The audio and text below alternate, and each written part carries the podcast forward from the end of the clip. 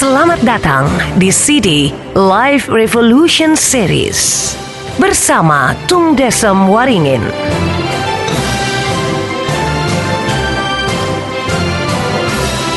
Pelatih sukses nomor satu di Indonesia versi majalah marketing. Pembicara terbaik di Indonesia versi majalah marketing. The most powerful people and ideas in business in Indonesia versi majalah SWA.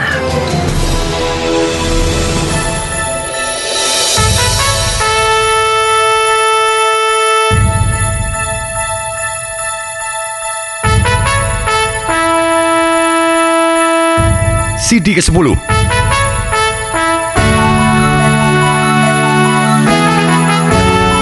Selamat datang di hari ke-10 Saya sungguh kagum.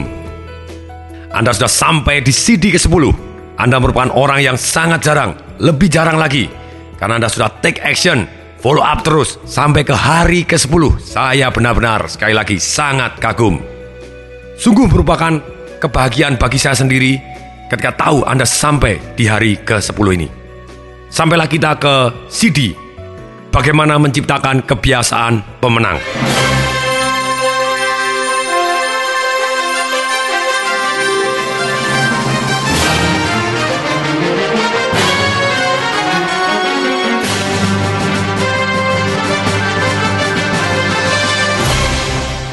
Pertama, kita membentuk kebiasaan. Akhirnya, kebiasaan membentuk kita.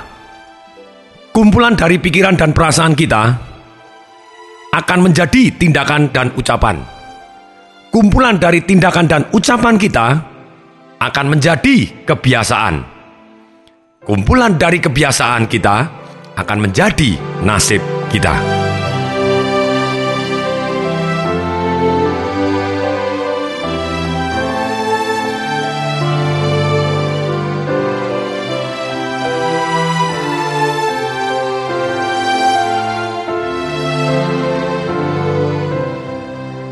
Dalam seminar, saya sering kali menunjukkan uang 100 US dollar.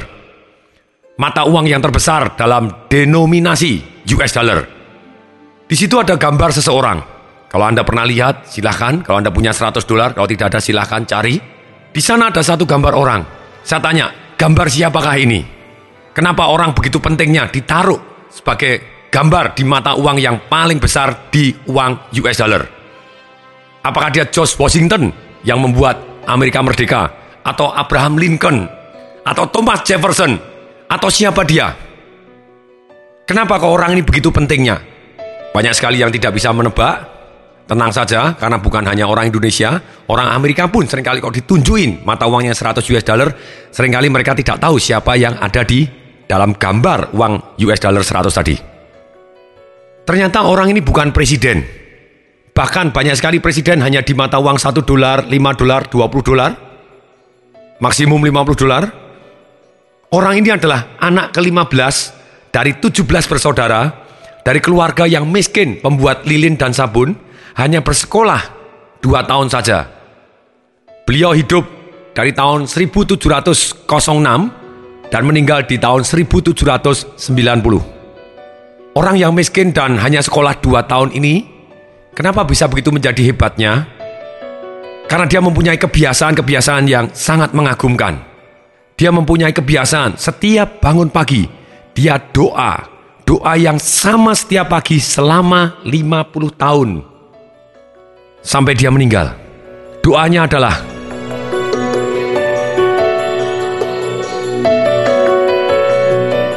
Oh Tuhan yang Maha Kuasa, Tuhan yang Maha Pemurah, pembimbing yang maha pengampun. Kumohon karunia kebijaksanaanmu, agar kutemukan minat sejatiku. Kumohon teguhkan tekadku untuk menjalankan kebijaksanaanmu. Kumohon terimalah pelayananku bagi anak-anakmu yang lain sebagai satu-satunya balasanku atas kelimpahan berkatmu yang tak pernah henti.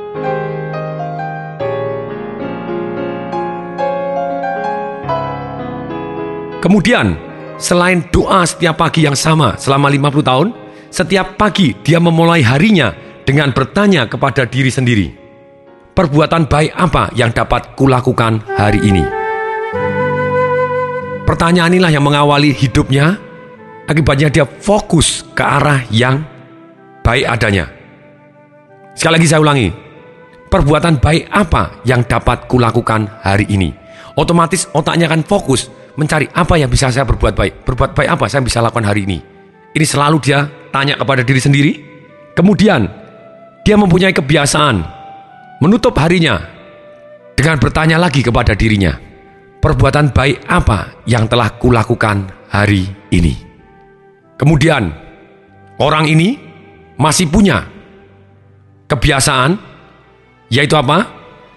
Dia mengambil 12 perbuatan luhur yang harus dia lakukan dan menuliskan di notes serta membacanya setiap hari supaya selalu diingat dan akhirnya terwujud dalam tindakan dan ucapannya sehingga tindakan dan ucapannya menjadi kebiasaan dan kebiasaannya menjadi nasibnya. Orang ini adalah namanya Benjamin Franklin.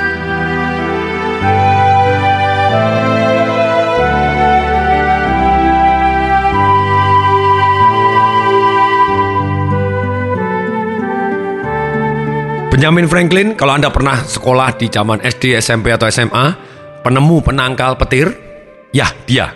Dia termasuk orang yang sangat disegani dan sangat dihormatin mungkin lebih dari George Washington sendiri yang menjadi presiden pertama di Amerika karena wajahnya terbukti ditaruh di mata uang yang paling besar di Amerika sana.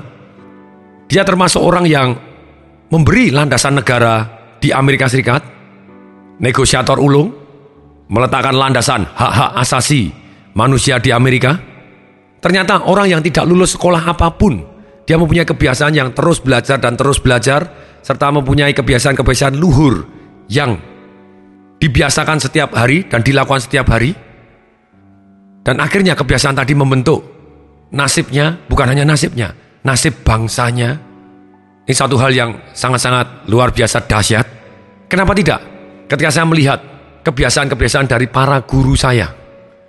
Misalnya Jim Rohn. Jim Rohn meneliti dan akhirnya dia juga punya kebiasaan yang sama.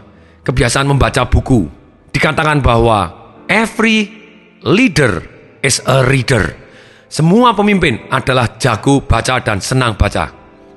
Bahkan ketika koleksi buku, Jim Rohn adalah guru dari Anthony Robbins, dia mengatakan, dia melakukan survei, ternyata rumah di Amerika yang harganya lebih dari 250 ribu US atau sekitar 2,5 miliar rupiah, selalu ada perpustakaannya. Hmm, Berarti itu adalah salah satu kebiasaan. Bisa jadi dia kaya kemudian dia baru buat perpustakaan, bisa jadi karena dia suka baca, akhirnya dia jadi kaya. Kemudian saya juga ingat kebiasaan-kebiasaan dari Anthony Robin. Ketika bangun, dia selalu tanya kepada dirinya sendiri, apa yang saya syukurin hari ini? Terus kemudian dia tanya, siapa yang mencintai saya? Siapa yang saya cintai? Perbuatan kecil apa yang kalau saya lakukan bisa mengarah ke arah impian saya dan merubah hidup saya? Yang harus saya lakukan hari ini. Kemudian ketika saya ikut seminar-seminar dari para guru-guru yang sangat-sangat dahsyat di luar negeri, baca banyak buku, kemudian saya juga punya kebiasaan. Saya punya kebiasaan begitu bangun tidur, langsung saya sebelum buka mata langsung tersenyum, tarik nafas panjang-panjang, kemudian ngolet ke atas seperti dalam CD-CD sebelumnya yang saya ceritakan kepada Anda. Ketika saya ngolet dan senyum dan kemudian masih mata tertutup kemudian saya ngolet ke atas saya tarik nafas-nafas kemudian saya lepaskan. Oh yes Kemudian saya tarik nafas lagi dengan tersenyum lebar-lebar dengan mata masih tertutup saya ngolet lagi. Kemudian saya ucapkan terima kasih Tuhan. Oh yes. Kemudian saya ucapkan terima kasih kepada istri saya, saya ucapkan terima kasih kepada diri saya sendiri. Kemudian saya doa, terima kasih Tuhan atas kebijaksanaanmu, atas kesehatan yang telah kau berikan, atas keluarga harmonis yang telah kau lindungi dan kau bimbing, dan kemudian juga atas kekayaan yang sudah kau berikan berlimpah, dan keceriaan yang telah menjadi kebiasaan. Hambamu berjanji untuk membuatnya berlimpah sehingga berarti untuk orang yang banyak. Doa saya yang versi singkat, terima kasih Tuhan atas kebijaksanaan, kesehatan, keluarga yang harmonis, kekayaan, serta keceriaan yang telah kau berikan. Buatlah hambamu mampu sehingga berlimpah dan berarti untuk orang banyak. Terima kasih Tuhan, terima kasih. Doa yang singkat yang saya ulangi bertahun-tahun setiap pagi dan setiap pagi dan setiap pagi ketika saya membaca kisah hidupnya Benjamin Franklin, wow, hampir mirip, hampir mirip gitu ya. Saya bilang, wow, itu menyentuh hati. Kemudian mulai dibimbing dengan hari ini apa yang saya bisa lakukan untuk mengarah ke arah goal saya, apa yang saya syukurin hari ini, mendadak saya feel good, dan kemudian saya mengambil langkah-langkah menuju ke arah impian saya. Kemudian, kalau saya lihat Anthony Robin juga mempunyai satu yang namanya incantation. Maksudnya apa? Incantation adalah kalau versi saya yaitu in berarti memasukkan can bisa station ke dalam station. Incantation memasukkan bisa ke dalam diri kita Biasanya Anto Robin sebelum makan siang dia melakukan incantation. Entah berapa menit dia selalu ngomong, All I need is within me now. All I need is within me now. All I need is within me now. Nah, sedangkan saya sendiri, saya juga mempunyai incantation-incantation yang membuat saya jadi lebih baik. Tiap hari, tambah sehat, tambah kuat, tambah kaya. Tiap hari, tambah sehat, tambah kuat, tambah kaya. Tidak ada kata gagal, yang adanya sukses atau belajar. Tidak ada kata gagal, yang adanya sukses atau belajar. Dan sering kali dalam waktu yang kosong, lagi nunggu, lagi di dalam mobil. Seringkali anak buah saya tanya kepada saya, Pak, kok Anda ngomong-ngomong sendiri itu ada apa sih Pak? Bapak asma ya, dikirain asma malah anu. Bukan, sehat total. Amin, saya bilang gitu ya. Amin. Kemudian saya ngomong apa? Biasanya saya ngomong sama. Doa yang saya pagi saya bilang, bijaksana, sehat, keluarganya harmonis, kaya raya ceria.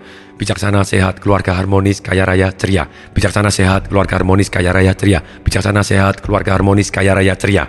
Ketika saya ulangi, saya ulangi, saya ulangi, tanpa sadar, menjadi pikiran saya, menjadi perasaan saya, menjadi tindakan saya, menjadi ucapan saya, menjadi kebiasaan saya, dan kebiasaan saya ini membentuk nasib saya hari ini.